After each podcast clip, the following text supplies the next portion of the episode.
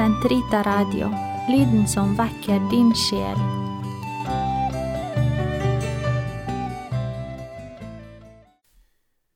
Hallo og fortsatt god sommer.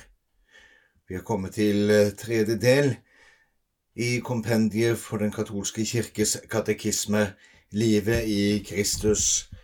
Og vi begynner med det første kapitlet og første avsnittet, Menneskets kall, livet i Den hellige ånd.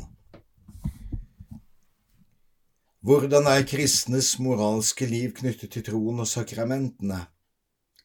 Det troendes symboler bekjenner, formidler sakramentene. Faktisk mottar de troende gjennom dem Kristi nåde og Den hellige ånds gaver. Slik blir de i stand til å leve det nye livet de har mottatt i troen som Guds barn i Kristus. Kristenmenneske, gi akt på din verdighet. Den hellige Leo den store. Første kapittel Menneskets verdighet Mennesket i Guds bilde Hva er menneskets verdighet rotfestet i? Menneskets verdighet er rotfestet i at de er skapt i Guds bilde og likhet. De er utstyrt med en åndelig, udødelig sjel, med forstand og fri vilje, er rettet mot Gud og med legeme og sjel kalt til den evige sannhet. Vårt kall til sannhet. Hvordan oppnår mennesket sannhet? Mennesket oppnår salighet gjennom Kristi nåde, som gir del i det guddommelige liv. I evangeliet viser Kristus sine etterfølgere veien som fører til lykke og er uten ende, nemlig saligprisningene. Kristi nåde virker også i hvert menneske som følger den rette samvittighet, søker og elsker det sanne og det gode og unngår det onde.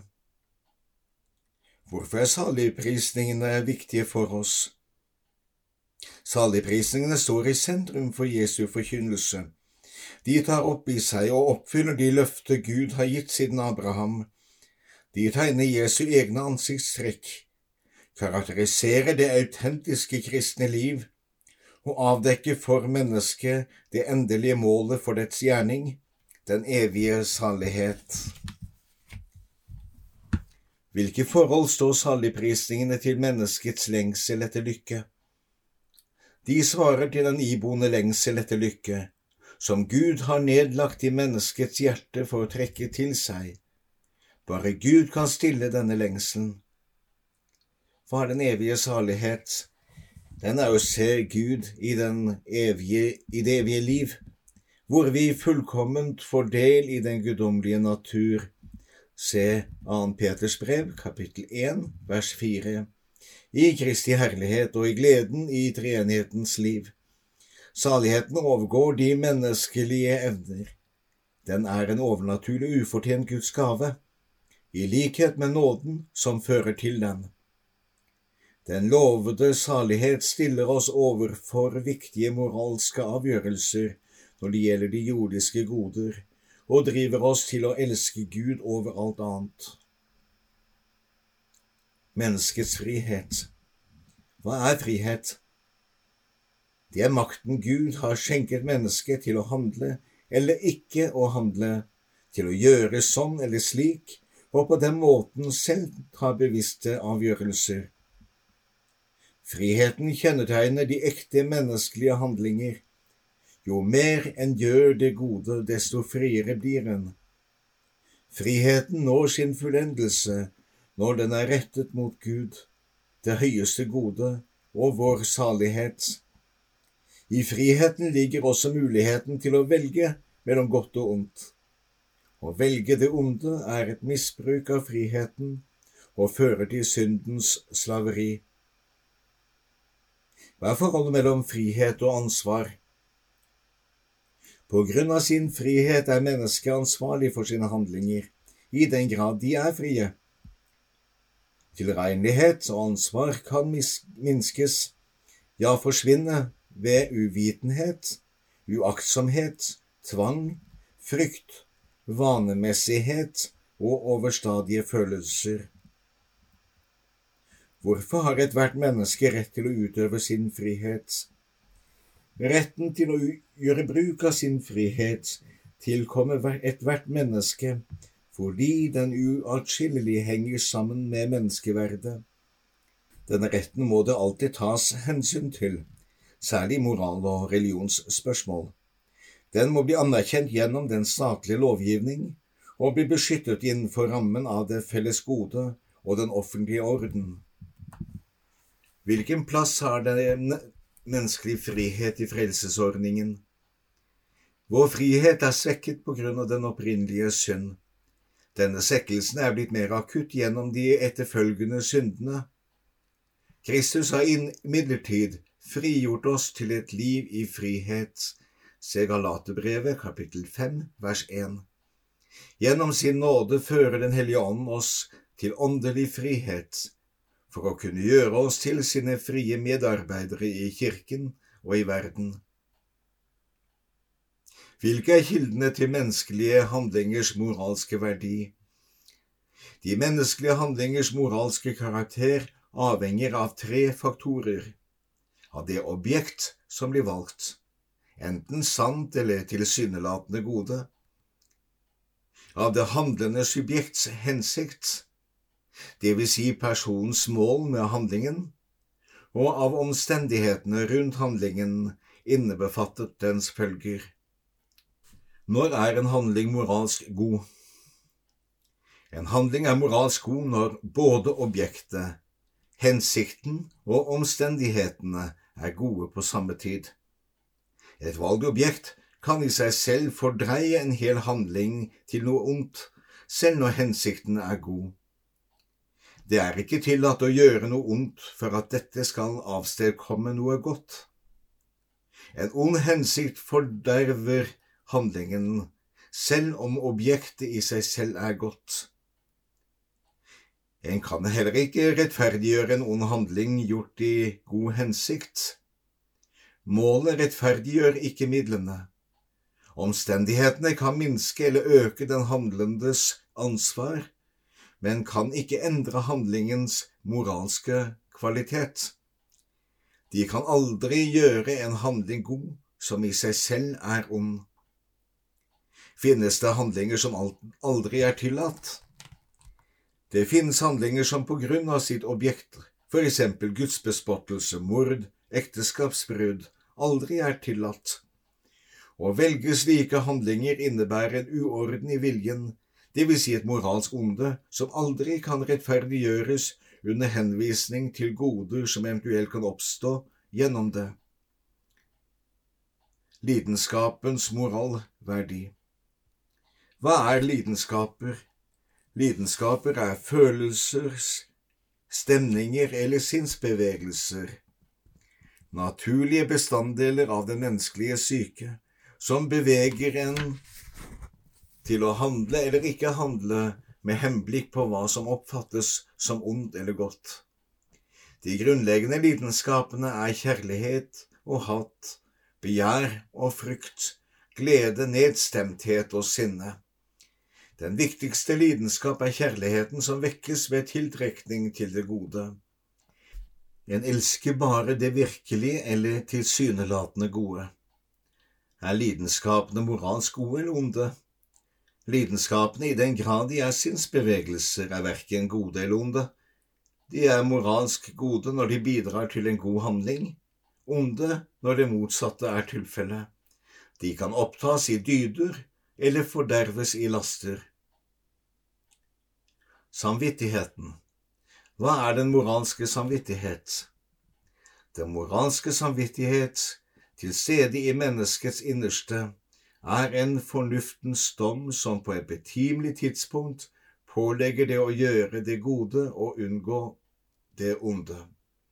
Takket være denne oppfatter mennesket en handlings moralske kvalitet, enten den skal utføres eller alt er gjort, og således påta seg ansvaret for den. Når et klokt menneske lytter til samvittigheten, kan det høre Guds stemme som taler til det. Hva innebærer menneskets verdighet for den moralske samvittighet? Den menneskelige persons verdighet omfatter den moralske samvittighets rettskaffenhet, det vil si at den overensstemmer med det som ifølge fornuften og den guddommelige lov er rett og godt. Nettopp på grunn av denne personlige verdighet må mennesket ikke bli tvunget til å handle mot sin samvittighet. Og innenfor grensene for det felles gode må en heller ikke hindre det i å handle i overensstemmelse med sin samvittighet, fremfor alt ikke på det religiøse området. Hvordan formes den moralske samvittighet til å bli rettskaffen og sann? En rettskaffen og sann moralsk samvittighet formes gjennom oppdragelse og tilegnelse av Guds ord og Kirkens lære. Den blir næret av Den hellige ånds gaver og hjulpet gjennom vise menneskers råd. Utover dette er bønn og samvittighetsransakelse av største nytte for moralsk formasjon. Hvilke normer må samvittigheten alltid følge? Det finnes tre allmenne normer. Det er aldri tillatt å gjøre noe ondt for at noe godt skal komme av det. Nummer to, den såkalte gylne regel, alt hva dere vil andre, at andre skal gjøre mot dere, det skal også dere gjøre mot dem. Se Matteusevangeliet kapittel 7 vers 12. Og for det tredje, nestekjærligheten respekterer alltid nesten og hans samvittighet. Dette innebærer riktignok ikke aksept av noe som godt når det objektivt er ondt. Kan den moralske samvittighet foreta feilbedømmelser? Mennesket skal alltid adlyde sin samvittighets sikre dom, men det kan foreta feilbedømmelser av grunner som ikke alltid unndrar det fra personlig skyld. Det onde en person begår ut fra uforskyldt uvitenhet, kan imidlertid ikke legges vedkommende til last, selv om det forblir objektivt ondt. Derfor må en arbeide for å korrigere det moralske samvittighetsfeil. Dydene Hva er en dyd? En dyd er en vedvarende og fast tendens til å handle vel. Målet for et dydig liv består i å bli Gud lik, ifølge den hellige Gregor av Nyssa. Det finnes menneskelige og guddommelige dyder. Hva er de menneskelige dydene? Menneskelige dyder er grunnfestede holdninger, faste innstillinger, vedvarende fullkommenheter i forstand og vilje, som styrer våre handlinger, ordner våre lidenskaper og leder vår fremtid i pakt med fornuften og troen. De erverves og styrkes gjennom gjentakelse av moralsk gode handlinger, og de foredles og opphøyes ved den guddommelige nåde. Hvilke er de grunnleggende menneskelige dyder? De grunnleggende menneskelige dyder, som alle andre ordnes etter, kalles kardinaldydene. Det dydige liv avhenger av disse klokskap, rettferdighet, mot og måtehold. Hva er klokskap? Klokskap gjør fornuften skikket til under alle omstendigheter å skjelne vår sanne gode og velge de rette midler til å oppnå det. Den styrer de andre dydene og gi dem retning og grenser. Hva er rettferdighet? Rettferdighet er den varige og faste vilje til å gi andre det som tilkommer dem. Rettferdighet mot Gud kaller en religionsdyd. Vær mot. Mot sørger under vanskeligheter for fasthet og utholdenhet i å søke det gode. Motets dyd setter en til og med i stand til å ofre sitt eget liv for en rettferdig saks skyld. Hva er måtehold? Måtehold holder trangen til forlystelser i tømme sikrer viljens herredømme over instinktene og sørger for likevekt i bruken av skapte goder. Hva er de guddommelige eller teologale dyder? Det er dydene som har Gud som opprinnelse, årsak og umiddelbare objekt. inngitt i mennesket ved den helliggjørende nåde, setter de i stand til å leve i forbindelse med treenheten. De utgjør grunnlaget og sjelen for den kristnes moralske handling, og gir liv til de menneskelige dyder. De er pantet på at Den hellige ånd er til stede og handler gjennom menneskenes evner. Hvilke guddommelige dyder finnes det? Det finnes tre guddommelige dyder – tro, håp og kjærlighet. Hva er troen?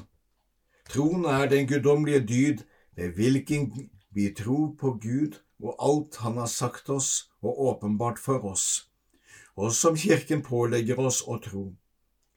For Gud er sannheten selv. I troen vier mennesket seg i frihetshilt til Gud. Derfor søker den troende å kjenne og gjøre Guds vilje, for levende tro er virksom i kjærlighet. Se Galaterbrevet, kapittel 5, vers 6. Hva er håpet? Håpet er den guddommelige dyd med hvilken vi lengter etter og forventer det evige liv som vår lykke hos Gud.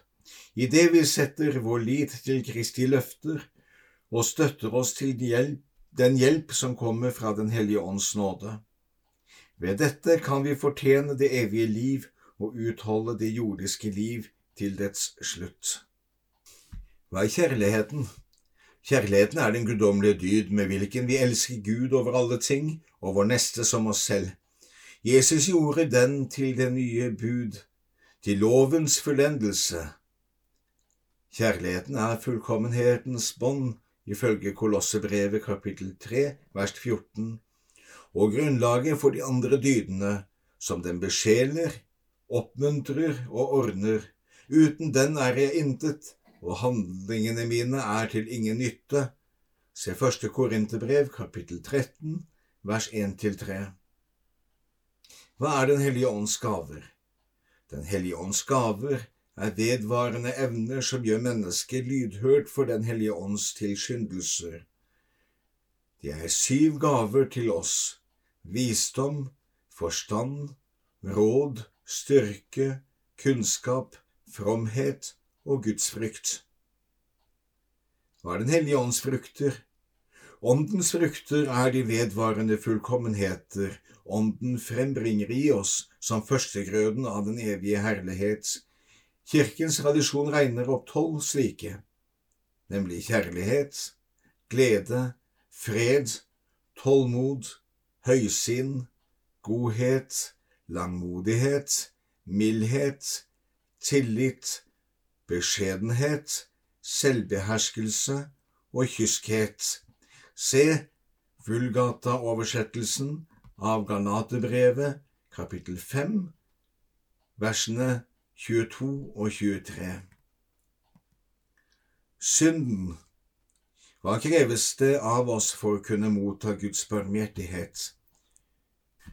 For å kunne motta Guds barmhjertighet må vi bekjenne våre feil og angre våre synder. Gjennom sitt ord og sin ånd blottlegger Gud våre synder, gir oss samvittighetens sannhet og håpet om tilgivelse. Hva er synd? Synd er et ord og en handling, et begjær som strider mot den evige lov, ifølge den hellige Augustin. Synden er en krenkelse av Gud i ulydighet overfor Hans kjærlighet. Den sårer menneskets natur og angriper menneskelig solidaritet. I sin lidelse avdekker Kristus syndens fulle alvor og overvinner den gjennom sin barmhjertighet. Finnes det forskjellige synder? Syndens mangfold er stort. En kan skjelne mellom syndene alt etter de objekter, dyder eller bud de står i motsetning til. De kan direkte angå Gud, vår neste eller oss selv, eller de inndeles etter de tanker, ord, gjerninger og forsømmelser hvordan sorterer en synder etter alvor? En skiller mellom dødssynder og venielle synder eller svakhetssynder. Når begås en dødssynd? Det foreligger en dødssynd hvis det gjelder en alvorlig sak, og synden begås fullt og ut bevisst og med overlegg. En slik synd ødelegger kjærligheten i oss, berøver oss den helliggjørende nåde og føre oss til helvetes evige død hvis vi ikke angrer den. Dødssynder blir vanligvis tilgitt gjennom dåpens sakrament eller gjennom botens og forsoningens sakrament. Når begås en svakhetssynd? Det begår en svakhetssynd når det dreier seg om mindre tungtveiende saker, eller når en overtrer moralloven i en alvorlig sak, men uten fullt ut å vite det eller uten fullt overlegg. Svakhetssynden skiller seg i sitt vesen fra dødssynden. Den bryter ikke pakten med Gud, men svekker kjærligheten. I den avsløres en uordnet forkjærlighet for skapte goder. Den hindrer sjelen i å gjøre fremskritt i utøvelsen av dyder og moralske goder, og den medfører timelige renselsesstraffer. Hvordan utbrer synden seg? Synd skaper hang til å synde og avføde laster ved at de samme handlinger gjentas. Hva er lastene? Lastene er det motsatte av dydene. De er feilaktige vaner som formørker samvittigheten og gjør en tilbøyelig til det onde. Lastene kan knyttes til de syv såkalte hovedsynder. Håmod, havesyke, ukyskhet, sinne, frosseri, misunnelse og dovenskap eller akadi. Har vi et ansvar for synder andre mennesker begår? Vi har et ansvar for synder andre mennesker begår, når vi er skyld i samarbeid med dem. Hva er syndens strukturer? Syndens strukturer er samfunnsmessige forhold eller ordninger som står i motsetning til den guddommelige lov. De er uttrykk for og virkninger av personlige synder. Neste uke fortsetter vi med annet kapittel det menneskelige samfunn, enkeltmennesket og samfunnet.